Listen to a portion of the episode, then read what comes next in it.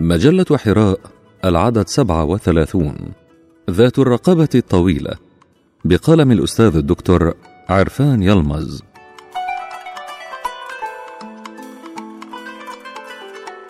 مرحبا عزيزي الإنسان. كيف حال الجو عندك؟ فعندي الريح ينسم بلين. ها قد جاء دوري للدردشة معك. أريد أن أبدأ بالحديث عن إتقان الصنعة التي أبدعها خالقي في رقبتي الطويلة. ولكن أريد قبل ذلك أن أضعك أمام صور من الادعاءات التي قيلت حول استطالة رقبتي. في الحقيقة إن لامارك هو أول من قدم نظرية في التطور العضوي وجاء من بعده مستخدما هذه النظرية في الإلحاد وجعلني مثالا بين عدة أمثال ضربها حيث زعم أننا كنا حيوانات صغيرة تشبه الماعز. ثم استطالت ونمت رقابنا وأيدينا نتيجة محاولة إجداد المستمرة من أجل الوصول إلى غذائها من أوراق الشجر العالية بعد أكل أوراق الفروع الأدنى منها. تلك هي قصتي المزعومة. فالقول بتطور الأعضاء بالاستعمال وضمورها بالإهمال وفق هذه الرواية صحيحة نسبيا. ولكن هؤلاء لم يكتفوا بذلك وقاموا بتحريف الحقيقة وأسسوا قانونا يجعل نشوء الأنواع عن بعضها بالتطور. وسبب قولي نسبيا هو أن الأعضاء التي يستخدمها أي كائن حي ويعتمد عليها في حياته تنمو أكثر من غيرها وتكون أقوى من الأعضاء المقابلة لها عند كائن حي آخر لا يستعملها. إلا أن هذا التغيير لا ينتقل إلى المورثات الجينية. فابن حامل الأثقال لا يغدو رباعا مثل أبيه بالكسل والتهاون بل بالجد والتدريب. ترى لماذا لم يتغير حتى الآن طول أجداد المواعظ التي عاشت مع الزرافات في تلك الآونة وبقيت على حالها رغم أنها لم تتوقف يوما عن تطاولها على الأشجار والشجيرات العالية وتنهش أغصانها نهشا. لقد ظل هذا السؤال وأمثاله دون جواب. كما أن الدراسات والبحوث المختبرية التي أجريت فيما بعد دحضت كل الادعاءات حول هذه الوراثات.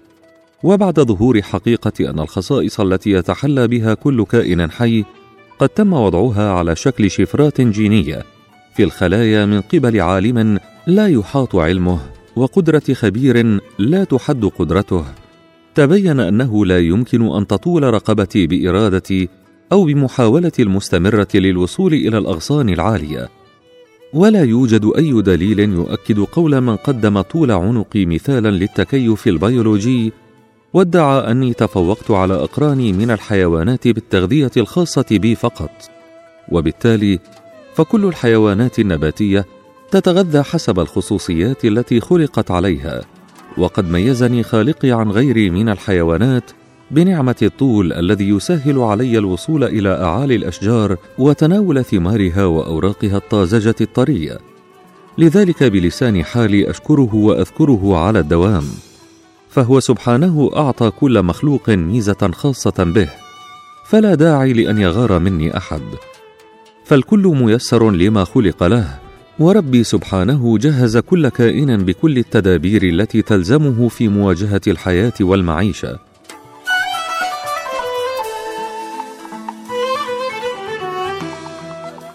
تزويد وفق الحاجة.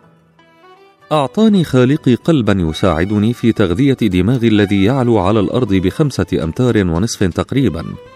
وإذا كان ضغط الدم في الأوعية الدموية لديكم يبلغ 120 ميليمترا من الزئبق الضغط العالي فقد زودني ربي بقلب يضغط الدم في الأوعية بقوة تبلغ 215 ميليمترا من الزئبق. وإذا قارنا المسافة العمودية بين القلب والمخ عند الزرافة وهي حوالي ثلاثة أمتار فلا بد وأن يكون الضغط في الأوعية قويا جدا لكي يصل الدم إلى الدماغ. ولا ننسى أن هذا الضغط العالي في الأوعية خطر. يمكن أن يؤدي إلى تمزق الشرايين ونزف الدماء في الدماغ ثم الموت. وقد يمكن أن يرتفع ضغط الدم في القدمين إلى مستويات أعلى تحت تأثير الجاذبية الأرضية ويتسبب بانتفاخ الشعيرات الدموية ثم انفجارها. لكن لم يحدث كل ذلك لأن الله سبحانه قدر كل شيء بعلمه المحيط فأحسن خلقه وتدبيره. فالشريان الأبهر الذي يحمل الدم من قلبي إلى جسمي يفتح شريانا سباتيا عبر العنق نحو الأعلى حتى يروي المخ بالدم الكافي. فالدماء التي تجري في الشريان السباتي نتيجة الضغط العالي تجري قبل وصولها إلى دماغ في نظام عجيب عبر شبكة تصريف معقدة تسبب انخفاض ضغط الدم في دماغي إلى 90 ملم من الزئبق. وبذلك أتقي النزيف الدماغي أو تفجر الشعيرات الدموية في الأذن والعين. وهذه العملية تشبه ضخ المياه في شبكة المدينة من أجل توزيعها من الخط الرئيسي إلى عدد كبير من البيوت. إن بديع الصنعة زود رجلي بآلية مختلفة متميزة تطبقونها أنتم البشر على طياري الطائرة النفاثة وعلى مرضى الدوالي. فالطيارون إضافة إلى الجاذبية الأرضية يتعرضون لجاذبية كبيرة جدا نتيجة الإقلاع السريع لطائراتهم النفاثة حيث يتم اندفاع الدم الذي يجري في العروق نحو أقدامهم بقوة هائلة. يمكن أن تتسبب بانتفاخات في عروق القدمين أو تمزقات فيها. لأجل حمايتهم من ذلك يلبس الطيارون ملابس خاصة مصنوعة من أقمشة قاسية محكمة تمسك بسيقانهم بقوة. كما أن الذين يضطرون إلى الوقوف الطويل دون حركة ومن ضمنهم مرضى الدوالي يلبسون جوارب خاصة تضغط على أوردة أقدامهم. لعلكم عرفتم كل هذه الأمور بعد تجارب عديدة ودراسات طويلة. لكن ربي بحكمته وعلمه عندما خلقني جعل لساقي أسفل الركبتين جلدا سميكا قويا يحافظ على أوردتي من آثار ضغط الدم العالي. وللحيلولة دون ارتفاع كبير لضغط الدم في رأسي أثناء ميلي به نحو الماء أفتح قدمي حتى يتدنى مستوى قلبي فيبقى الضغط في مستوى يتحمله رأسي. وبما أنني أكون في هذا الوضع صيدا سهلا تجدني في حذر شديد عند شربي الماء. كما أن حاجتي إلى الماء قليلة أصلا حيث تحوي الأوراق الطرية في أغصان الأشجار العالية على سبعين في المئة من الماء الذي يحتاجه جسمي. ولكن إذا عثرت على ماء نقي في مكان يخلو من الخطر عندها فقط أفتح قدمي وأحني رأسي لتناوله. وكما هو عند معظم الثدييات تتشكل رقبتي الطويلة من سبع فقرات كما هو الحال عند الفأرة والقطة وذوات الرقاب القصيرة. ربما كنتم تعتقدون أنه إذا كانت الفأرة تتمتع بسبع فقرات في رقبتها فإن هذا العدد لدى الزرافة ينبغي أن يكون أكثر بكثير. لكننا إذا استثنينا عددا قليلا من أنواع الثدييات فإن رقابها جميعا تحتوي على سبع فقرات. وهذا يدل على الوحدة والتشابه في التصميم المعماري في خلق الثدييات على تنوعها. ويدل على وحدة الخالق المتفرد في خلقها.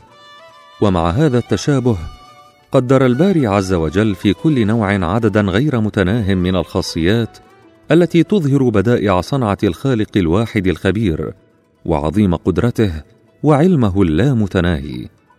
تتكون الفقرات في رقبتي من عظام كبيرة مترابطة ببعضها البعض ذات ثقوب متساوية. وبذلك يتم وقاية أنبوب الجهاز التنفسي وجهاز الأكل. بطول عنق الذي يقارب ستة أمتار تقريبا أكون أطول مخلوق يقوم بالاجترار ذات الحوافر المزدوجة وذات القرنين بين الثدييات.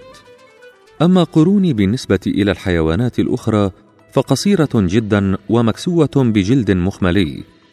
كما أن هذين القرنين يوجدان في ذكورنا وإناثنا. مجرى التنفس عندي طويل يناسب طول عنقي فالقصبات التي تصل فتحتي الفم والأنف بالرئتين يبلغ طولها مترا ونصف متر وقطر مقطعها خمسة سنتيمترات وهذا يجعل الفراغ في القصبات والشعب الرئوية كبيرا يكثر فيه الهواء العادم المستعمل في التنفس الناتج عن الزفير مع الهواء الآتي من الشهيق. وهذا أمر غير ملائم للتنفس. لكن ربي جلت حكمته زودني بقدرة عالية على التنفس. فأنتم تتنفسون ما بين 12 وخمسة عشر نفسا في الدقيقة وأتنفس أنا أكثر من عشرين نفسا يلبي حاجة جسمي إلى الهواء. طعامي المفضل.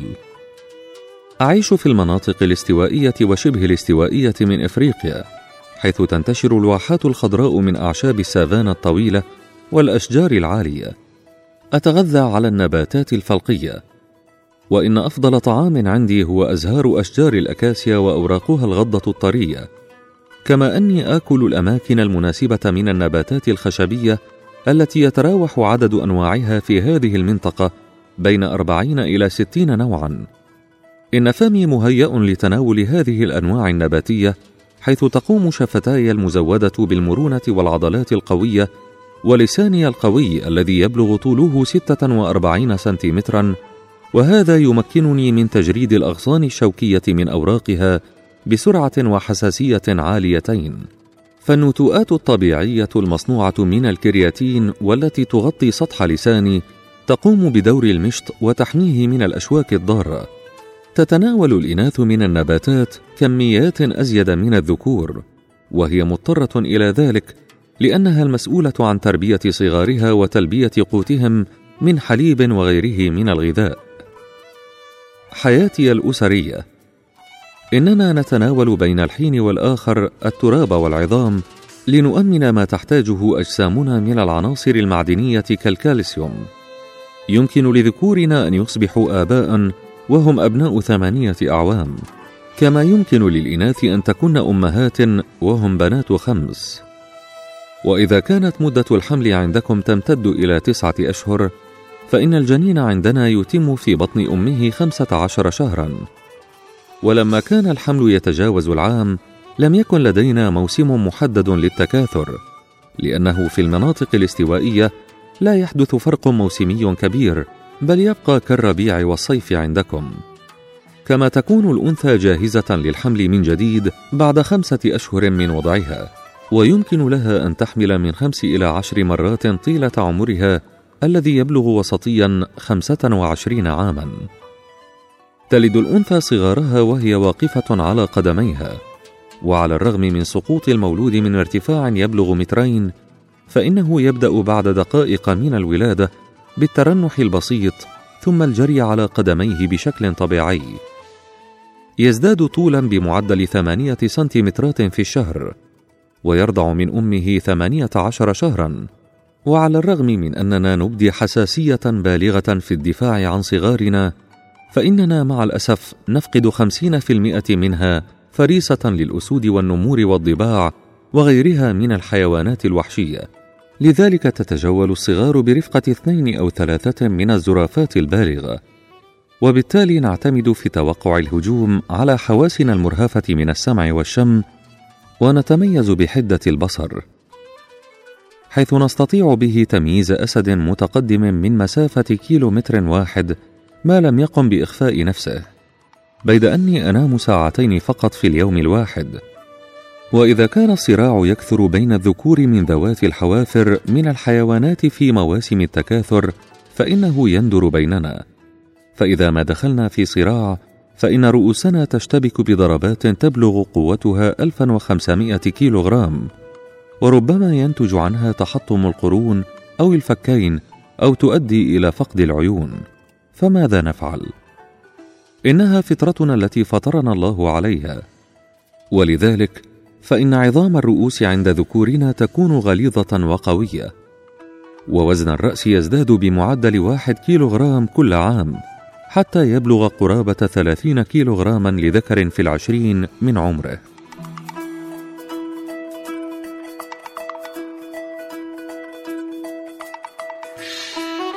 أثناء فراري من الأسد تجري الاتصالات بيننا عموما بالحركات والإشارات. فإذا أحسسنا بخطر قادم نبهنا بعضنا بالأصوات وبالتالي يمكن الاتصال فيما بيننا على مسافات بعيدة معتمدين على أطوالنا العالية وبصرنا الحاد. فإذا رأيت مجموعة منا من خمس إلى عشر زرافات تنظر باتجاه واحد مشنفة آذانها فاعلم أن عدوا ما يقترب منا في خبث وغدر حينها نأخذ وضعية الاستعداد للركل والقتال. أو نلجأ إلى حرز مناسب. يحاول الأسد وهو عدونا الأكبر مطاردتنا إلى بقعة وعرة وأرض غير مستوية. فإذا دب الذعر في صفوفنا وبدأنا بالفرار ثم صادفتنا أرض وعرة فقدنا ميزة ارتفاعنا عن متناول الأسد أو فقدنا التوازن وتدحرجنا وأصبحت أعناقنا في قبضة الأسد وكنا صيدا سهلا له. هذا ما يدفعنا إلى الاتجاه دوما نحو الواحات السهلة المنبسطة لنجري فيها بسهولة وتوازن. إنه قدرنا جميعا نحن الكائنات الحية لنا أماكننا المحددة في الدورة الغذائية ودورة الحياة. تكاثر متوازن في عالم الكائنات الحية يؤمن للصياد غذاءه وللفريسة استمرار نسلها في الحياة. حكمة بالغة تمضي في ظلالها الحياة ترجمانا رائعا لأسمائه الحسنى. حلقة أخرى في حياتي. علاقة خاصة جدا تربطني بشجرة الأكاسيا التي هي طعامي المفضل. أتناول من أوراقها العالية الغضة وبراعمها الجديدة الطرية دون تعريض هذه الشجرة للجفاف والهلاك. لا أعرف كيف ينظم ربي هذا الأمر حيث يجعل الشجرة بعد فترة تفرز مرارة في أوراقها مما يمنعني من استمرار الأكل. فلا يكون طعامي عندئذ إلا بمثابة تقليم تحتاجه الشجرة في نموها.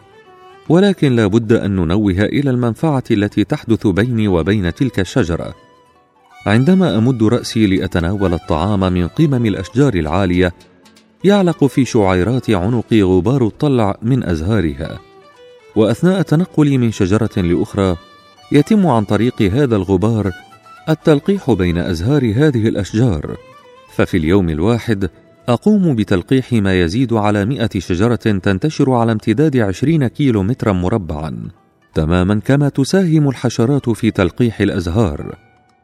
ولا بد من أن أعترف لكم بأني أفعل ذلك دون علم مني بل أقوم بذلك في ظل تقدير إلهي ويسميه بعضكم غريزة. فأشبع بطني وأساهم في تلقيح الأشجار وتكاثرها. أشكر ربي وأحمده حمدا كثيرا أن منحني فرصة إظهار قدرته وتقديم صنعته البديعة في خلقتي.